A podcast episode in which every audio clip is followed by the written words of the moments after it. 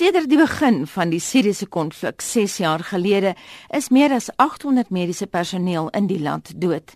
Die dood van die eerste dokter strek terug na Maart 2011 toe en sedertdien neem die getalle maandeliks toe onder meer weens drakoniese wetgewing deur die Siriëse regime.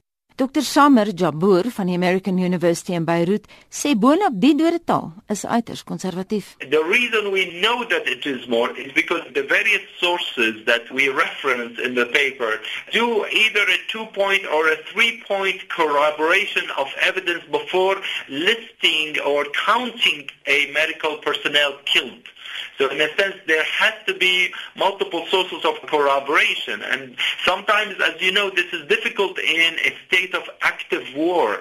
Een na die ander wet word verbreek en internasionale VN-resolusies eenvoudig geïgnoreer. These resolutions represent the highest order of the world and we have got to develop mechanisms for implementing these resolutions so they do not become only ink on paper. Maar helaas sal die resolusies niks anders as ink op papier beteken nie, omdat die Siriëse president Bashar al-Assad 5 jaar gelede wetgewing goedgekeur het wat dit vir mediese onmoontlik maak om hulle werk onpartydig te doen. Dr. Samer Jabour wat as Siriëse dokter en akademikus nou in Beirut werk, skets die agtergrond. This is a point that's important to make to your audience. So that law came in in 2012 to essentially legalize a practice that had started earlier, which is anyone treating either protesters or those who uh, had carried guns would be subjected to the law and prosecuted. And that's obviously a very flagrant violation of medical neutrality. En waarskynlik Dr. Jabour, tensy daar nie lesse geleer word uit die Siriëse konflik nie, gaan die patroon wat medisy verhoed om hulle werk te doen elders voortgesit word. Also it has global implications Anita because crimes committed and the perpetrators can get away from them essentially translate into a new territory opening the door for uh, repetition of these crimes elsewhere and this is really why the Syria crisis represents not just a regional issue but a global issue as well. Dis een van die redes hoekom die uiters gerespekteerde Lancet nou sy stem voeg by 'n koor van protes teen menseregte begrype in Sirië wat mediese hande vir alle praktiese doeleindes afkap. The Lancet AUB Commission is not a implementation body, but we are calling for developing an accountability framework that allows the implementation of internationally agreed UN Security Council and UN General Assembly resolutions, as well as the agreed international humanitarian laws. Remember that these UN resolutions came out because of the gross violations of the international humanitarian laws.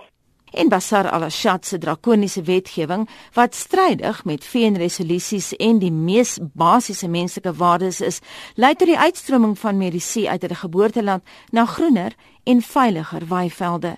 Maar hoeveel dokters is daar nog in Sirië oor? We don't actually know.